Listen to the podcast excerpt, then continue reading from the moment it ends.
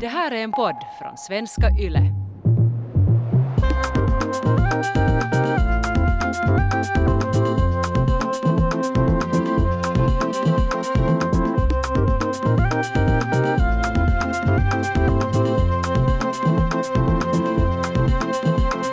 Välkommen till Sällskapet, en kulturpodd med samhällsperspektiv. Varje vecka kommer vi att snacka om aktuella fenomen, tankar och händelser i samhället och i kulturvärlden. Och sällskapet består av mig, Kia Svetihin, och åtta kulturpersonligheter som roterar varje vecka. Och idag så sällskapar jag med dig, Maria Biffen Ahonen. Välkommen! Tack, tack. Hur står det till? No, riktigt bra. Det är härligt att vara här i Borgo. Jag har inte varit någonstans utanför mitt land på en och en halv månad. Det är liksom människor, bilar. Ja, vi befinner oss faktiskt i Borgo, eh, Eh, Yle Östnyland. Det är jättespännande att, att vara här. Här är nästan ingen annan än vi. Det är också spännande. Uh, vi kommer lära, lära känna dig, Biffen, helt strax, men jag tänkte ändå helt först höra att vad har du tänkt prata om idag? Jag har tänkt prata om cottagecore, det vill säga den nya landetrenden som trendar på Instagram och Youtube. Det låter jättebra. Det här kanske lite går in faktiskt i mitt ämne. Ah, vi måste se. Jag tänker nämligen prata om att ingen vill tillbaka på jobb mer. Alltså det visar ju sig att, att om någon, eh, helt, alltså någon dag så eh, öppnar vi ju upp bland annat restauranger och, och kafén och, och så vidare och man har redan börjat gå tillbaka på jobb. Men vill man? Eller? Nej, alltså jag är helt apatisk. Jag, jag, är, helt liksom, jag är helt sommarlov. Jag, det, nej, jag, jag vill inte. Min, min- jag har ingen arbetsmotivation. Hoppas min chef inte lyssnar på det här. Men hej Klaus, ge inte sparken åt mig. Hej, men vi börjar med att lära känna dig så att vi också får veta vem är Klaus. Eh, Biffen Ahonen, eh, vem är du? Ja, jag är Biffen, jag är grafiker, jag gör mycket skivomslag och bokomslag och varierande grafiska grejer på vår firma vart och den här Klaus Suhonen också jobbar som säkert alla i Svenskfinland känner till. Eh, och så är jag DJ, eller jag har nu varit DJ och grafiker, nu är jag mest timjam-odlare på Bisaudden i Lovisa eftersom jag just har flyttat tillbaka till landet på grund av coronakrisen. Du flyttade liksom hem till mamma och pappa. Kyllä, eller till pappa. Och, och, och, och då hade du bott tidigare i Helsingfors väl i ganska många år? Uh, ja, ja, jag har bott där. Jag, jag flyttade som 20 år, så 20 år har jag bott där i Helsingfors nu om, om av och an. Så ja, men sen så, sen så fick jag sån grym coronaångest av att jobba hemifrån i en jätteliten lägenhet och, och det, allt kändes jobbigt och jag bara grät och hade mig och så var pappa sådär att nej, nu är det bäst att du flyttar hem så, så att du inte blir helt galen och, och jag tyckte att det var en riktigt bra idé. Så, så blev det. Biffen Lovisa Ahonen, vad är dina morgonrutiner? Eh, jag är en väldigt dålig morgonmänniska. Jag steg upp väldigt tidigt idag för att jag hade bioskola före vi kom hit. Mina morgonrutiner är att när jag vaknar så är jag arg och jag har ångest. Jag vill inte stiga upp. Och för det mesta är min enda motivation att stiga upp det att jag är kissnödig och att jag vill ha kaffe. Men om jag till exempel inte är kissnödig så kan jag ligga i sängen till klockan två på, på dagen ifall det är typ en lördag. Alltså morgnar är äckliga. Jag hatar, hatar, hatar morgnar. Är du någon sån här nattmänniska, att du vaknar hela natten istället? Att jag skulle kunna sova bara dygnet runt. Aha. Det, det är liksom... Du, du är varken morgon eller, eller kvällsmänniska, du Jag- är liksom bara... Jag är inte människa alls. Vilket verk har påverkat dig mest? Det här var relativt lätt för mig att komma på och då säger jag att det är Roxettes album Look Sharp som kom ut 1988. Eh, jag minns att vi var på bilsemester i Sverige en sommar som man är. Eh, och vi var hos några släktingar och jag tittade på Music Television och där kom videon till The Look. Och, och jag minns en också, jag, jag står där framför TVn och jag ser den här videon och hör den här låten och jag hoppas att vad är det här? Det här är det sista som jag någonsin har hört. Herregud, herregud, herregud. Uh, jag tjatade mig till att vi ska få till skivaffären och jag fick köpa den här kassetten. Lyssna så mycket på den här kassetten att jag nötte ut den. Jag har fortfarande kvar den, man ser inte vilken sida är A och vilken som är B. Uh, och sen året därpå så kom Roxette till Kulturhuset. De startade sin första världsturné från Helsingfors. Och mina föräldrar då lät mig fara på den här kejkan för att de visste att det var jätteviktigt för mig och jag är jättetacksam åt dem att, att, att de lät mig fara dit och ännu ensam dessutom. De bara droppade av mig och jag var där på första raden och, och det, var, det var så magiskt när de kom på scenen. Per och Marie. De, de, de, jag hade ju aldrig varit på någon keikka liksom, i hela mitt liv. Och sen att man har HC fanittat ett band i ett och ett halvt år och sen så är de där framför. Alltså, det, alltså jag blir helt gråten. Var du, en, var du ensam? Ja, ja. För mina föräldrar har fattat att det är viktigt för mig att jag, må, jag måste få vara där ensam. nästan gråter du nu? Jo, Jag, jag börjar Du alltid... Jo. Ja, alltså jag börjar alltid gråta. att jag skrattar så Nej, men alltså jag börjar alltid gråta när jag tänker på det här för att, för att det, det, det är en sån här defining moment. Liksom. Jag vet! Men alltså jag gråter jättelätt annars också. Okej. Jag, jag är väldigt... Men du har också sett, jag måste säga det, du har ju faktiskt, är det Joyride? Det här är Joyride, ja. Ja. För att, för att jag, har, jag, jag, jag hade en Look Sharp Live t-skjorta men jag använde den så mycket att den blev så äcklig att mamma slängde den och jag var sur på henne i flera år för det. Men anyway, så jag var på den här konserten och det, det, nu har jag lugnat ner mig, nu gråter jag inte mer. Men alltså det var, det var så stort när de kom på scenen. Det, det, man kunde inte ens fatta det. Jag var jag hoppas att det var det här finaste någonsin. Och sen, sen veckan därpå så, så ska vi fara och skida med skolan. Och jag har jättedåligt lokalsinne, skida vilse naturligtvis. Och jag, jag, jag kommer ihåg att, att jag låg där, slängde mig där i snön och sen jag hade den där Roxette Look Sharp Live t-skjortan på mig så jag så att det är helt okej om jag dör nu. Att jag, jag har sett mitt favoritband live. Att det är liksom, jag, jag är redo. Att jag behöver ingenting annat i livet. Det, det, att jag, jag accepterar det här. Men, men sen så hittade vår lärarinna Rosmarie mig. tyvärr hittar, nej. Tyvärr.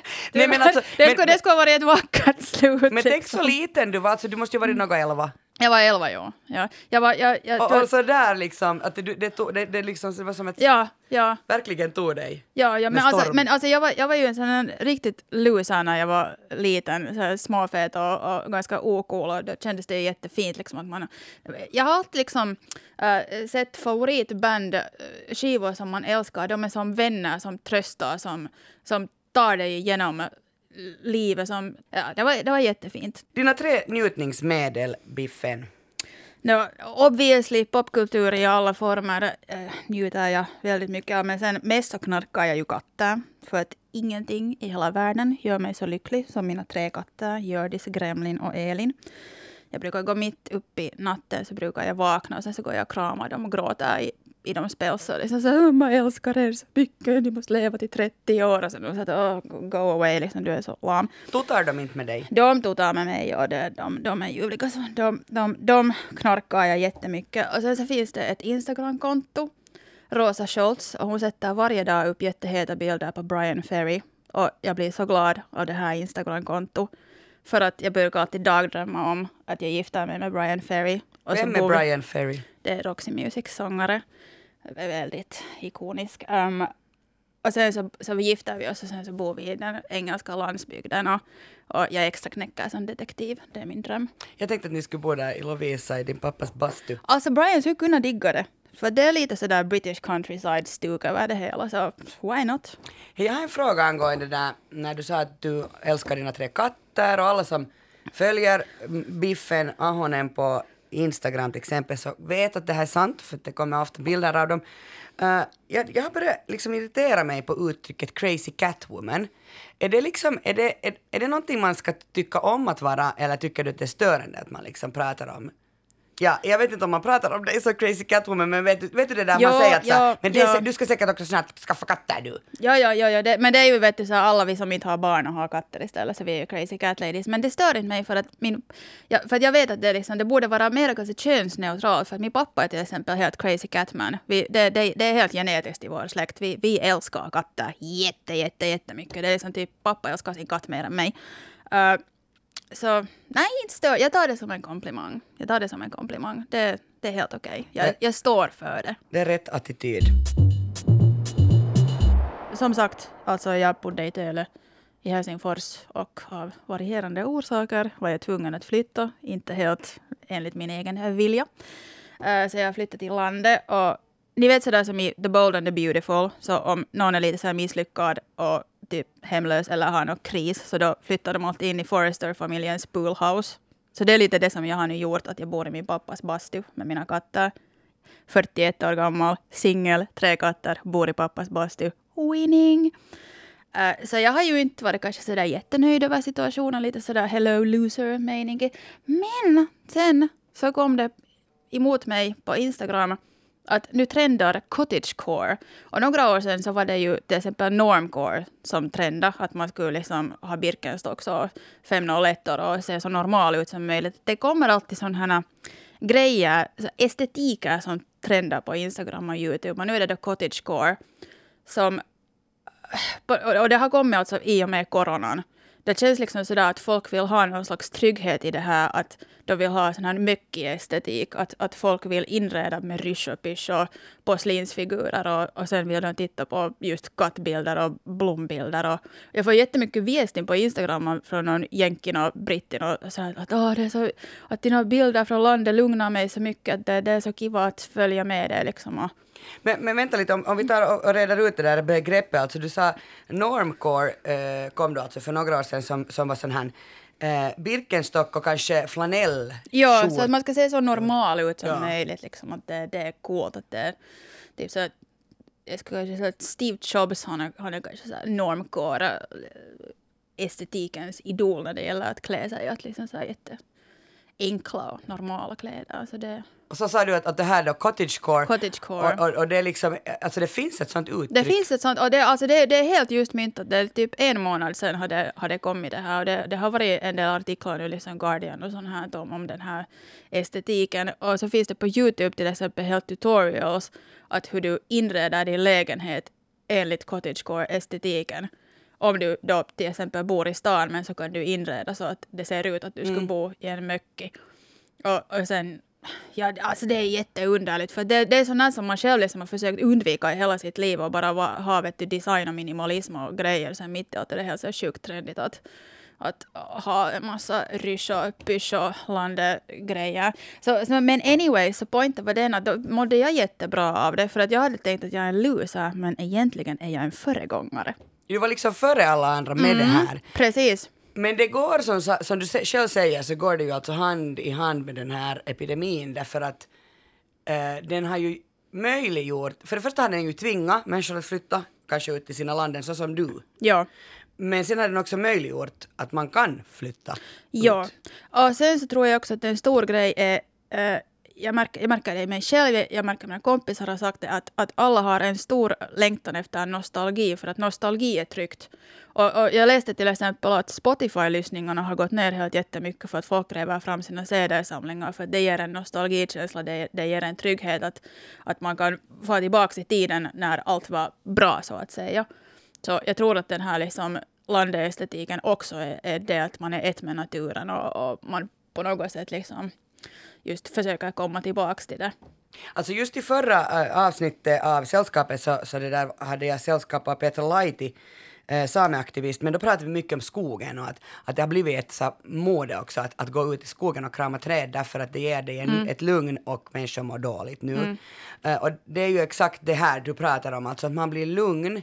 Samtidigt så är det ju lite, det är ju alltså ett ganska stort privilegium att kunna säga att man har ett lande. Alltså, det, jag, jag, alltså jag förstår ju att jag är ju helt kermaperso, så jag skäms ju över det att jag sitter där och tycker synd om mig själv och hoppas att här sitter jag på mitt fina landeställe liksom. Och, Aj, äh, pappa hämtar inte mat riktigt ännu, jag håller på att tycka synd om mig själv här nu. Och sen vi har ju en jättefin gård, pappa sköter om den, jag har inte ens fattat hur mycket jobb det är och jag vet ju bara ta bilder och hoppas att här är jag med mina örter och sen är det ju pappa som har gjort allt men jag tar krediten för allt vet du och jag bara så här, Instagram.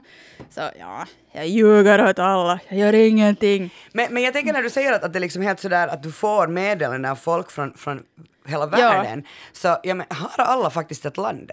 Nej, nej. Alltså jag tror inte. Det, det, det känns liksom så att det är kanske lite finskt på något sätt. Att inte, inte har, till exempel, jag har en, en, en som messar mig ganska ofta som bor i Chicago och inte har de liksom, hon är bara så att herregud jag har aldrig sett sådana ställen så att inte, inte finns det något sånt här. Att, att, att jag tror att vi finnar kanske är lite privilegierade med det också att, att nästan alla har landen mm. och, och det är liksom normalt. Sen å andra sidan har du ju faktiskt flyttat hem till din pappa. Det är ju inte som att du har flyttat till ditt andra hus. Utan du Nej, ju... det är sant. Det är sant. Vi får nu se hur det går. Alltså, jag fick ju fast honom här, häromdagen och pratade med någon sin kompis i telefonen och, och, och så hörde jag bara när han sa att ja, ja, nu, nu, nu, har det, nu har det tills vidare gått helt bra.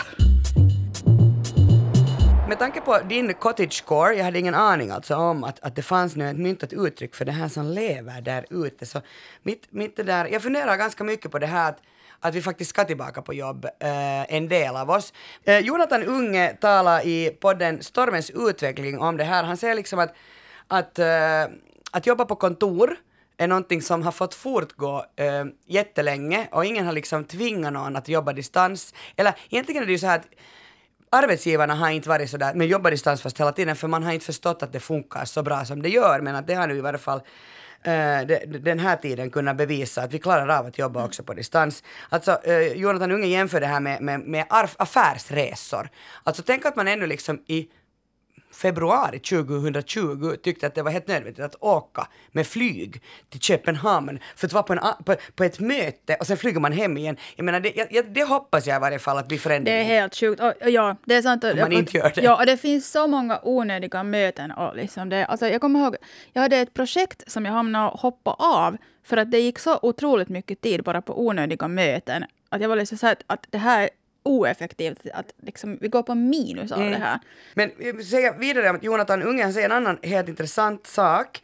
Att eh, tidigare så var man ju på kontoret för att folk behövde få tag på en. No? Sen kom mobilen, eh, mobiltelefonen och mejlen kom i mobiltelefonen och mobiltelefonen hade du alltid med dig, alltid på dig. Det betyder att arbetsgivaren får tag på dig när som helst. Så det blev ju en snedvridning när man både hade kontor och var tillgänglig precis hela tiden. Så egentligen är det ju liksom det naturliga nu att vi inte skulle gå, tillbaka till kontoren. Och det här skrev New York Times om för någon vecka sedan. För Manhattan har nu börjat frukta att allt fler företag inser att de behöver inte ha de där kontoren på helt superdyra adresser och liksom uh, de här just uh, företagen runt finanskvarteren så uh, de tycker att det är lite dyrt att hyra så här enorma kontorslandskap när människor kan jobba hemifrån. Eh, Emanuel Karlsten, han har skrivit en krönika i Göteborgs Posten uh, också om det här och, och det där och han säger liksom att egentligen är hans point här den att varför är, har det alltid varit så att eller varför det har varit så att vi har, vi har flyttat där jobben finns och sen har vi byggt vårt bo där. Nå, I och med all teknologi, det här som du också pratar om, att idag så kan du sitta där på, i pappas bastu och ha uppkoppling och, och göra dina skivomslag eh, för att det funkar nu för tiden, så vi har all den här tekniken som vi behöver. Eh, så att man skulle alltså börja alltså kasta om allting, alltså på det sättet att vi flyttar någonstans och bo, och sen jobbar, sen börjar vi bygga sitt bo där och alltså jobbet ingår i att vi bygger boet, alltså vi själva väljer. Det är ju det, det är ju det. Och jag har nog skrattat när jag har suttit där i Vierasmöcken och gjort Mikael Gabriels sinkon och sagt oj, oj, om folk bara skulle veta det här. Man skulle veta hur den vy du har där. Precis. Eh, alltså i till exempel Twitter, så det kontoret, så där var de sådär att okej, ni behöver aldrig mer komma på jobb. Och det, det möjliggjorde liksom för dem att, alltså ni ska jobba men ni behöver inte komma hit, att de kunde anställa folk över hela världen. Eh, men okej, i den här New York Times-artikeln så är det ju klart att också de här, eh, det, det som blir problematiskt är alltså att det är så mycket businessar som är, eh, som behövs av ett, alltså om du, om du har ett kontorslandskap så behöver man restauranger, man behöver biografer, man behöver butiker, man behöver, alltså för det här flödar människor, man behöver kollektivtrafik, man behöver liksom det ena och det andra. Och, och, och allt det här sackar ju då ihop. Men, men, men nu kan man ju också fundera att, att varför måste man bygga upp det just då kring eh, där kontoret finns, att var man bygger upp de här restaurangerna och allt det här där som man bor. Alltså att man skulle få mera människor till landet. Jag vet inte, hur håller jag på att ändra här, märker ni? Hela, jag ska liksom göra, få, få alla folk från stan att fara ut till landet. Det är inte det vi Men vill. om man tänker på priserna i Helsingfors till exempel, att före jag flyttade så var jag fem för att jag skulle ha köpt den där lägenheten som de då satt i salu och kickade ut mig ur. Men det kostar ju så jätte, jätte, jättemycket. Att, att för det pengar som du sätter på en liten, liten tvåa i Helsingfors, så du får ju liksom ett slott i östra Nyland. Um, om vi flyttar oss från uh, att man har då i New York uh, varit orolig för att uh, vi ska få företagen att hållas kvar och hyra stora lokaler så kan jag berätta att OPM, alltså skogsföretaget, de har tagit första stegen och öppnat upp och, och massa människor har fått börja komma tillbaka till kontoren. Uh, men de har en app på, på sin, man får en app liksom om man är anställd av dem och det där och så får man skriva in så här nu tänkte jag komma på jobb och då meddelar appen att får man komma eller inte. Alltså det räknar ju givetvis med att man får inte vara för många. Just det. Du, du har ju nu sagt Biffen att du tycker det är ganska roligt att eh, jobba distans så att du liksom, du skulle kanske nu då inte ha så mycket emot att fortsätta med det här. Eh, men du har sagt en sak som ehm, att, ja, så jag kan, jag kan förstå varför du tycker i så fall att det fortfarande är helt roligt med, med att jobba distans om du, om du faktiskt behöver, får undvika de här videomötena. Du brukar alltså inte så jätteofta vara med på. Nej. Webbmöten. Nej. Nej. För det är ju nog det som gör alltså att om, om, om- du tänker så här att, att det här är en jättegod champagne, det här att jobba distans. Så det som de här webbmötena gör, det är att de tar bort bubblorna ur champagnen och så sätter de helt för mycket socker i. Det, för det smakar var så skit vackert sagt, vackert sagt. Exakt. Uh, har du någonsin deltagit i ett videomöte?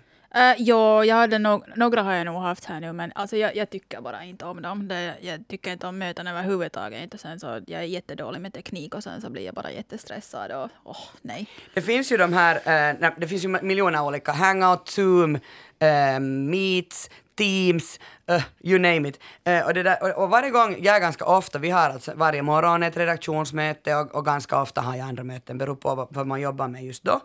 Men uh, jag, jag hittade också sådana att det finns liksom några tio olika typer hur man kan vara när man är på de här videomötena. Till exempel finns det de här som, jag skulle kunna tänka mig att du är en sån som alltid har ett husdjur i din famn. Jag, jag fick faktiskt något vi hade distans, det här bioskola och där var läraren igen och sa att ja, ja, att Maria har en katt där då med sig som också ska ta körkort tydligen. Och jag sa, mm, ja. Eh, är, du, är du den här som eh, eh, alltid går omkring när du är på ett möte? Nej, Men nej, för, jag, följer nej, med. jag, jag sitter väldigt tajt. Eh, jag är kanske den här som alltså konstant t- anser mig vara upptagen av andra saker. Så när jag är på ett, ett eh, möte så sitter jag samtidigt liksom och skriver någon artikel eller försöker boka någon gäst eller kolla, kolla något tips, vilket ju är extremt eh, störande. Sån här är jag alltså alltid. Men eh, har du hört om något, eh, något sånt som eh, tombombing? Nej. Eh, det är så att eh, det är väl ganska vanligt nu just eftersom alla människor är på eh, nätet med sina, med sina möten och, och, och det där och också hela, alltså jag menar stora delar av världen så undervisar ju alla skolor, alltså alla elever fick undervisning över sådana här möten och då började det med, med sån här Zoom-bombing. Alltså helt enkelt när oinbjudna deltagare avbryter eller kraschar ett möte och det är liksom sån här, det är oftast fråga om sån här ofarlig trolling. Att till exempel så såg jag på, eh, på Youtube en sån där, ehm, det var en, sån där, han var doktorand och han höll på att försvara sin, sin doktorsavhandling och när han skulle klicka fram, tänk att göra det också på, på det där, på videosamtal. Ja. Nåja, när han skulle klicka sig framåt så, så kom det en sån där enorm manligt könsorgan Nej, ritat eller nej. och nästa gång var det en kyrkbåt. liksom att, att, att det, där, det, det är ju inte så roligt. Och sen så har jag också förstått att liksom någon lärare har undervisat eh, uh, något, det var någon flickornas gympatimme och mitt i allt så kom dit en man in och blottade sig. Men det är ju inte roligt. Och sen har det varit jättemycket rasism. Det var, det var i Hesaren någon, någon rektor som hade sagt, sagt att hej föräldrar, att ni ska ha byxor på er när vi har under det här distans Jo, jo, jag förstår. Så, vi vill inte se hur ni ser ut. Men alltså, jag, jag har en kollega, en kompis som det där har tjuvlyssnat, han har liksom, han har varit jätteintresserad av Zoom-bombing så därför har han liksom satt sig jättemycket in i det. Och han har, jag frågade så här, varifrån får man de här koderna? Och han bara, nej men man, man bara så här googlar liksom, free codes, uh, liksom Zoom codes. Och, och det, för att det är ju som att människor trollar ju med de här. Men han sa att, att jätteofta är det så här att my class is boring, bomb it please. Uh, så sätter de ut, för, för att så tror man ju försökt då att man inte skulle kunna komma in och kunna förstöra så mycket av de här mötena. Uh, och liksom att nu måste du ha ett password och du måste bli insläppt i mötet. Men sen är det liksom några elever som saboterar.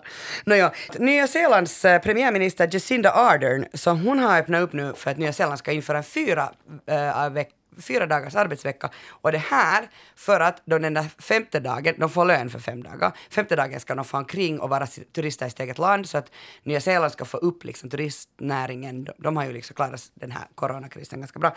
Så jag föreslår att vi ska göra som dem, alltså Nya Zeeland, men ha det fem dagar i veckan. Ja, varför inte? Varför inte? Nej, men jag, jag tror nog att, att liksom, turismen inom landet kommer att bli större nu. Jag vill faktiskt fundera med min bästis också att istället, vi brukar alltid fara vara på en utlandsresa varje sommar, men att vi då, vi då istället för vår avbokade Pearl Jam-keikka som vi ska gå på, vilket vi är jätteledsna över, så att vi skulle fara då någon, på någon inlands, inlandsresa istället. Kulturtips eh, ska vi ännu ge. Eh, jag tänker så här att, att eh, egentligen behöver det inte vara det där bästa du vet, utan det kan vara något som du inte bara kan släppa den här veckan. Biffen Ahonen, vad har du för kulturtips? Mitt kulturtips denna vecka är att jag ger er mig själv. Eftersom jag, jag har inte konsumerat så jättemycket kultur nu på sistone. Så jag har gjort en spellista med den musiken som jag har lyssnat på Uh, och sen den musiken som min pappa har prackat på mig. Så det blir så här eklektisk, liksom östnyländsk Twin Peaks soundtrack. Yeah! Hör du, vad lyssnar alltså din pappa på? Det här blev, nu blev jag jättespänd. Uh, han lyssnar ganska mycket på jazz. Han spelar själv trumpet. Så han lyssnar på liksom Ray Charles och, och sånt här. Men sen har det nog blivit en del Vikingarna också. Så det här. Aj, dansmusik. Dansmusik och jazz. Dans, dansmusik core. Ja, dansmusik core. Precis, precis. Men hur ska, man, hur ska vi ge den här, uh, hur, ska vi, hur får man tank på den? Hur funkar vi, det här? Vi kan, vi, kan, vi kan dela den på Instagram. Och sen så är det bara att gå till Spotify och lyssna på den om man känner sig sugen. Uh, jag har ett tips. Uh, jag lyssnar, jag har haft jättesvårt att, att liksom fokusera på tv-serier och böcker. Jag gör det nog men det, det kräver jättemycket av mig så jag har liksom varit jättebra på att lyssna på saker, det klarar jag av.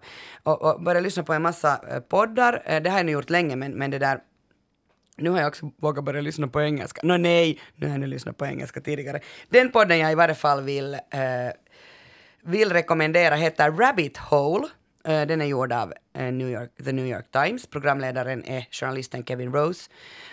Det alltså handlar om nätets påverkan på oss. Och, och, det, där, och det är egentligen frågan så här, vad gör internet med oss? Alltså jättemånga människor lever ju sina liv online. Eh, och faktiskt konstant att de har inte något annat än det där livet online. Och vad händer med en då? Och det som är så kiva med den här podden är att den är inte sådär att ajabaja, det här är allt skit som händer till dig. Eh, för att du ha, är så mycket på, på just sociala medier eller någonting, utan den, den egentligen bara sätter den ut så här faktiskt, så här är det. Och sen försöker den lite ta reda på att vad händer i huvudet när man inte träffar andra mm, människor. Jätteintressant. jätteintressant. Så, så det, där, det är alltså och det började för, för ett år sedan så skrev Kevin eh, en längre jotto om the making of a YouTube radical Uh, det är alltså att det finns en artificiell intelligens bakom Youtubes rekommendationsalgoritm, vilket jag tycker är superintressant. Min, min, mina rekommendationer på Youtube är ganska paha. Ja. det är liksom bara sådär hur du klipper håret själv och addicted to cheese and cakes och sen nine hours of cat videos. Så det, det, liksom, det säger ganska hemska saker om För det var mig. det alltså att han, han, han gjorde liksom, eh, han kallar, när han skrev den här texten, den finns också den här uh, YouTube, YouTube Radical-delen finns med. Det är en sexdelad uh, podcastserie. Men, men alltså, då kallar han den där effekten, eller YouTubes design kallar han för rabbit hole-effekt. Alltså att du får ner ett kaninhål och så kommer du inte upp. Uh, men hör du, uh, jag måste se, känner du till den här personen?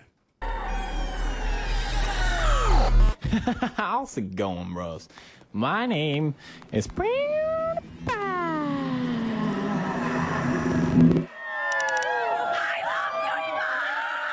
I love you Pewdiepie! Det är så galet! Vet du vem Pewdiepie är? Jo, han är en svensk youtubare som har typ helt galet många följare och han gör väl typ några spelvideor och grejer. Näst mest i, i världen tror jag. Uh, därför tänker jag alltså säga att i den här Rabbit Hole så avsnitt fem handlar om Pewdiepie och det är så otroligt intressant. Um, Pewdiepie är alltså, alltså världens, uh, han, han var länge världens största kanal på Youtube. Uh, men sen, han har nu passerats av, av T-Series som är ett sånt indiskt skiv och filmbolag. Uh, men alltså han har över 100 miljoner följare. Alltså jag fattar inte. Han, började, han heter Felix Kjellberg och han inledde sin karriär genom att bara spela och kommentera tv och dataspel. Men det är ganska länge sedan. De går igenom allt det här. Det här var alltså ett klipp från den här, dokum, uh, från den här podd avsnittet. och alltså enligt Forbes så förtjänar han 14 miljoner euro förra året på sin kanal. Vi är så på fel bransch. Jag vet, varför sitter vi här och pratar? Jag, jag vet inte. Uh, och Time Magazine har utsett honom till en av världens mest inflytelserika personer på internet. Men han är alltså lite problematisk och det är det som gör också det här så intressant. Han har blivit anklagad för att uh, vara fascist, antisemist och rasist.